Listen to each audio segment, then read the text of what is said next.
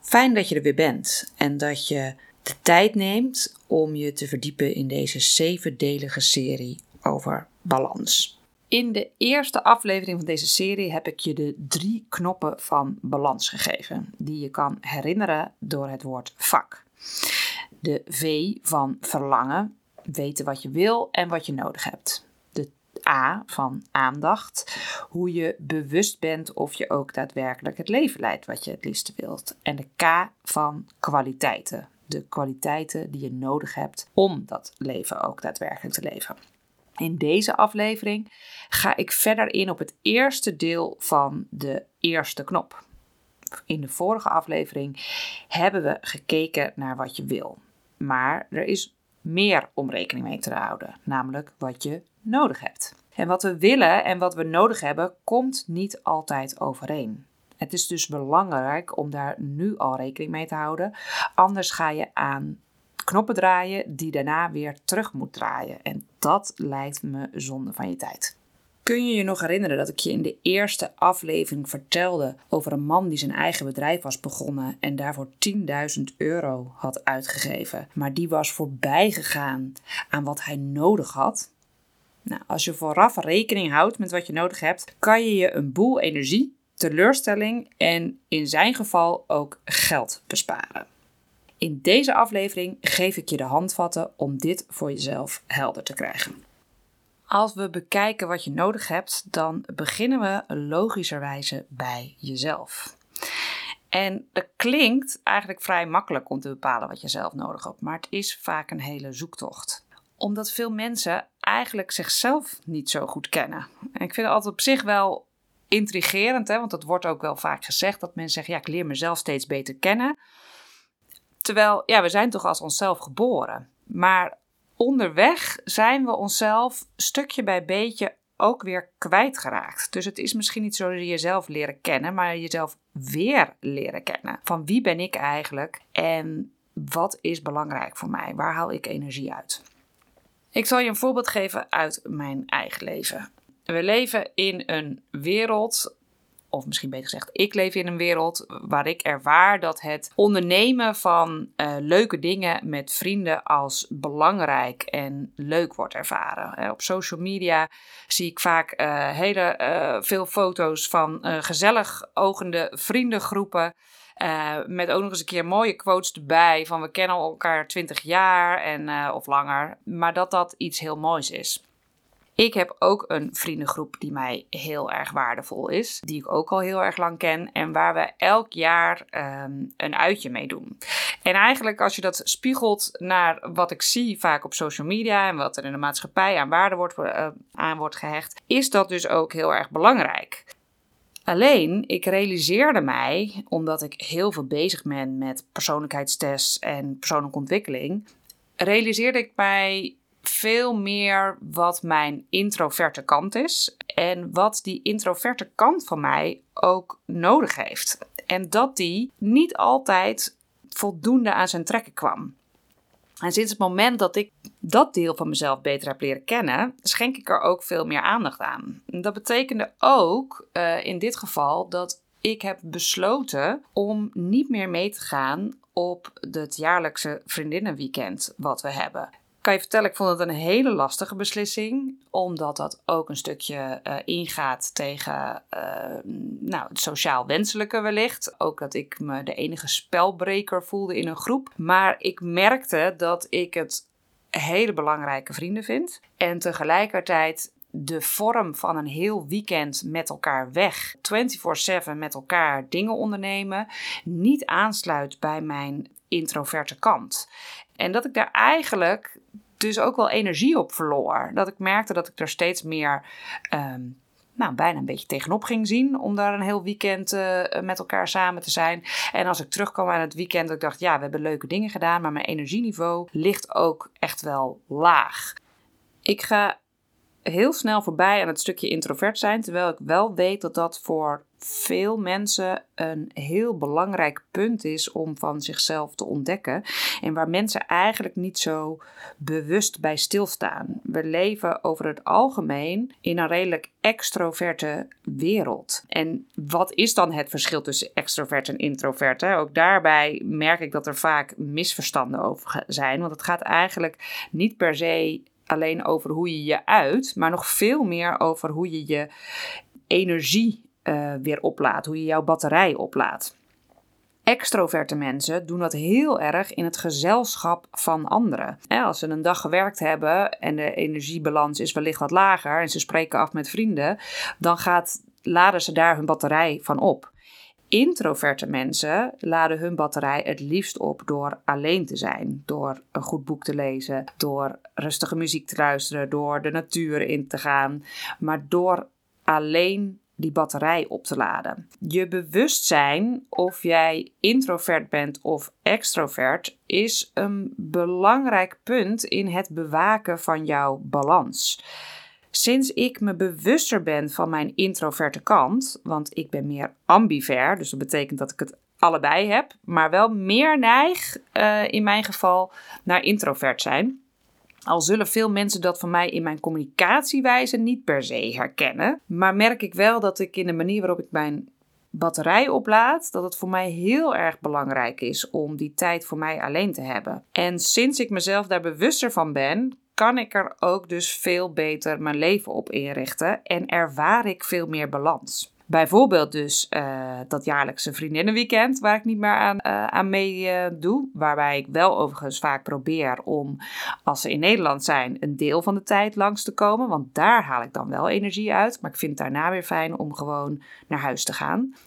Ander voorbeeld is dat ik, als ik s'avonds afspreek, dat ik nooit twee avonden achter elkaar iets plan. Dus als ik één avond iets heb, wat ik heel erg leuk vind en ook van kan genieten, dan wil ik de volgende avond weer thuis zijn in mijn, bij mijn gezin. Of het liefst zelfs nog helemaal alleen. Maar ook hoe ik mijn dag inricht, uh, hou ik daar rekening mee. Um, als ik en soms komt dat wel eens voor, omdat het nou eenmaal zo is. Maar een hele dag uh, achter elkaar afspraken heb heeft niet mijn voorkeur. Als ik de regie heb over mijn agenda, plan ik het liefst twee, twee afspraken per dag in maak ik een combinatie tussen het stukje of dat ik podcast op, opneem, dat ik aan het schrijven ben, dat ik dingen aan het uitwerken ben. Dat is het stukje waarin ik voor mezelf weer oplaad. Daar kan ik echt van genieten. Toen ik mijn boeken heb geschreven, één boek heb ik zelfs geschreven op het moment dat ik herstellende was van een operatie. Voor mij is dat mijn balans opladen. Dat kost me geen energie.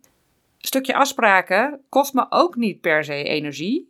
Geniet ik ook enorm van, omdat ik ook voor een deel extrovert ben. Maar de balans is voor mij extreem belangrijk. Dus als je dat voor jezelf helder hebt, kun je daar jouw leven, je dag, je week op inrichten en zorgen dat je meer balans ervaart.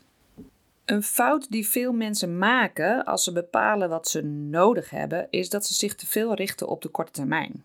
Dus op zich ook niet zo heel erg gek dat dat gebeurt, want onze hele maatschappij is eigenlijk daarop gericht. Wat we met een mooi woord noemen instant gratification.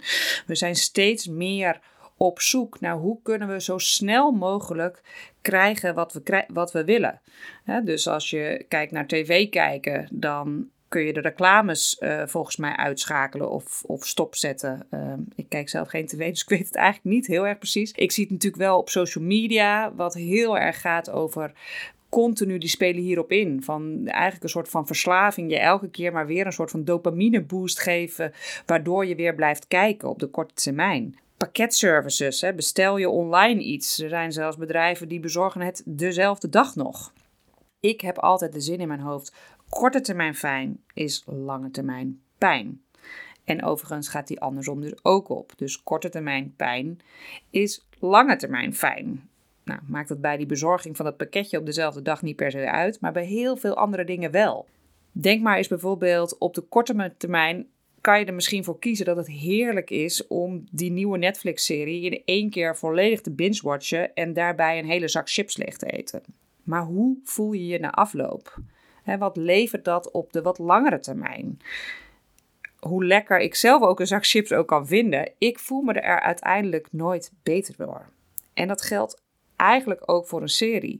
Of te lang op social media zitten. Of andere dingen die op de korte termijn soms heel erg lekker zijn het zorgt er echt voor dat als ik naar mijn leven kijk, en ik weet dat dat bij heel veel mensen het geval is, dat ik minder tijd ervaar om bijvoorbeeld een goed boek te lezen. Uh, en de boeken die ik lees zijn voornamelijk uh, non-fictieboeken gericht op persoonlijke ontwikkeling. Ik weet dat dat mij op lange termijn gelukkiger maakt. Hè, dat, of dat ik, als ik te veel tijd aan social media besteed, dat ik minder tijd heb om de natuur in te gaan. Of oprechte aandacht te hebben voor mijn man en kinderen. En het is echt niet zo erg om dat natuurlijk zo nu en dan eens te, doen en je op je korte termijn te richten. Alleen als je daar continu op gericht bent, dan ben ik er 100% van overtuigd dat je leven er niet gelukkiger van wordt. En het is dus goed om jezelf resistent te maken tegen continu al die verleidingen die op de loer liggen. En veel mensen denken dat je voor die verleidingen vooral heel veel zelfdiscipline nodig hebt. En ja, ik ben ervan overtuigd dat dat helpt, maar dat het nog iets is wat veel, veel belangrijker is. En dat is namelijk het hebben van een duidelijk doel. Dus dat doel is dus eigenlijk weer het stukje waar we nu en de vorige aflevering het over hebben: het helder krijgen bij wat je wil. Een voorbeeld uit mijn eigen leven. Mijn man en ik die hebben een heel duidelijk financieel doel. Um, wij willen graag financieel onafhankelijk zijn. Dat betekent dat als je niet meer wil werken, dat je dat ook niet hoeft te doen. Dus dat er voldoende financiële middelen zijn. En veel mensen denken dat je daar een soort van miljonair hoeft te uh, voor hoeft te zijn. Dat hoeft niet. Betekent wel dat je uh, zorgt voor passieve inkomensstromen. Dat je dus heel bewust bezig bent met welke beleggingen en investeringen je doet.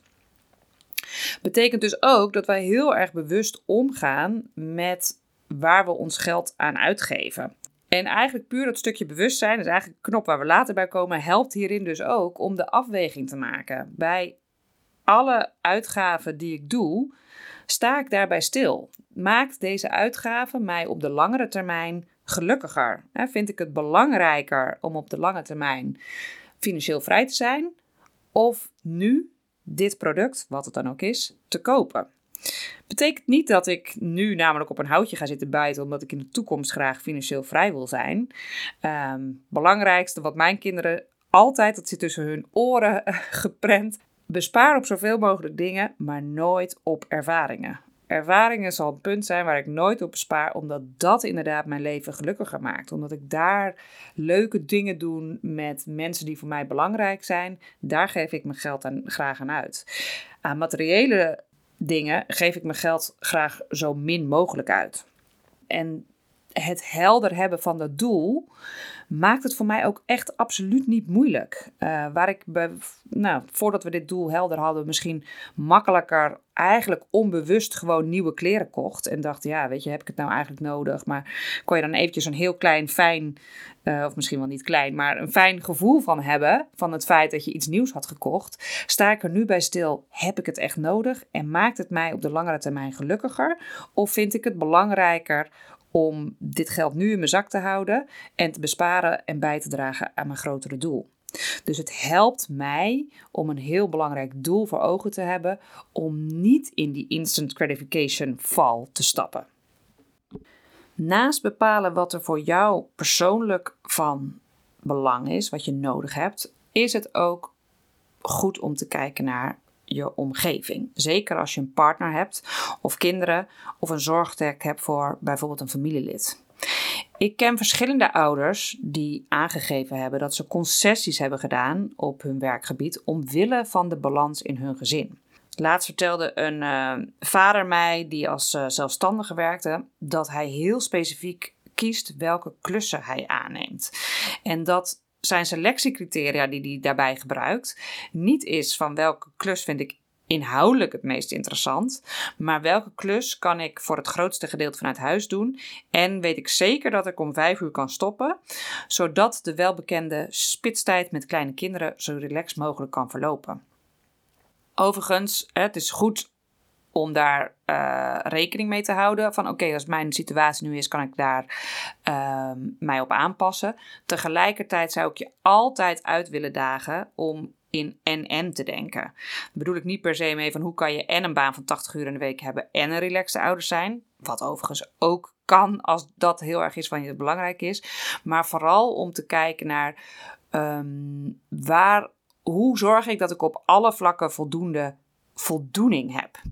Ehm, dus dat ik en voldoening heb uit mijn werk en hoe ik een relaxed ouder van kan zijn. En als jij voor jezelf heel helder hebt wat de randvoorwaarden zijn voor jou om daarin gelukkig te zijn, dan is er vaak zoveel meer mogelijk dan je denkt. Dan gaan er een soort van creatieve radartjes aan. Ik ken veel ehm, moeders die heel helder hebben voor zichzelf hoe ze willen dat dingen eruit zien. Die hebben aangegeven: ik weet, wil maximaal 24 uur in de week werken. Ik wil alle schoolvakanties vrij zijn.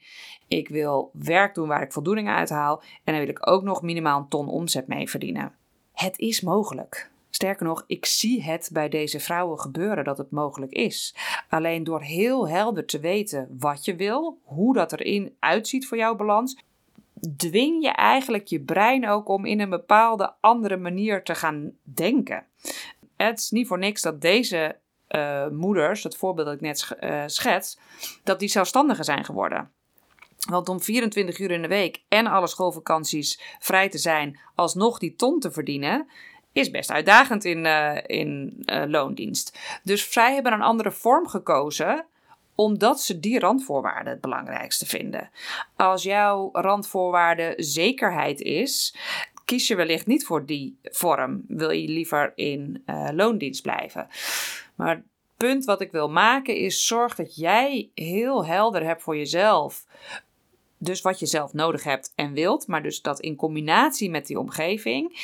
En als je dat super helder hebt, dan komt er een soort creativiteit vrij die echt zorgt dat het mogelijk is. Meer dan wat je zelf wellicht voor ogen hebt. De belangrijkste punten voor dit deel van knop 1 zijn dus leer jezelf door en door kennen. Hou rekening met je omgeving en vergeet nooit, alsjeblieft nooit, dat korte termijn fijn, lange termijn pijn is. Met mijn bedrijf Succesvol Balanceren train ik coach ik in de breedste zin van het woord in balans dus ook bijvoorbeeld is een team in balans. Ik ben er namelijk van overtuigd dat medewerkers in balans gelukkiger zijn. En dat zou nou precies bovenaan moeten staan van elke organisatie. Waarom? Omdat gelukkige medewerkers tot 50% minder vaak ziek zijn, 9 keer zo loyaal aan hun werkgever en tot 12% productiever. Kortom, onze trainingen zijn geen kostenpost, maar een investering. Ze verdienen zichzelf terug. Kijk op www.succesvolbalanceren.nl wat we voor jou kunnen betekenen. Of mail me op info.succesvolbalanceren.nl als je een kennismakingsafspraak wil inplannen. Uiteraard geheel verblijvend om te bekijken wat we voor jou of jouw bedrijf kunnen betekenen. Ik wil je bedanken wederom voor het luisteren. In de volgende afleveringen geef ik je hele concrete tips om met knop 2 aan de slag te gaan. Dat gaat over het vergroten van jouw bewustzijn, zodat je steeds makkelijker het leven van jouw dromen kan leven. Ik wens je voor nu een hele fijne dag verder.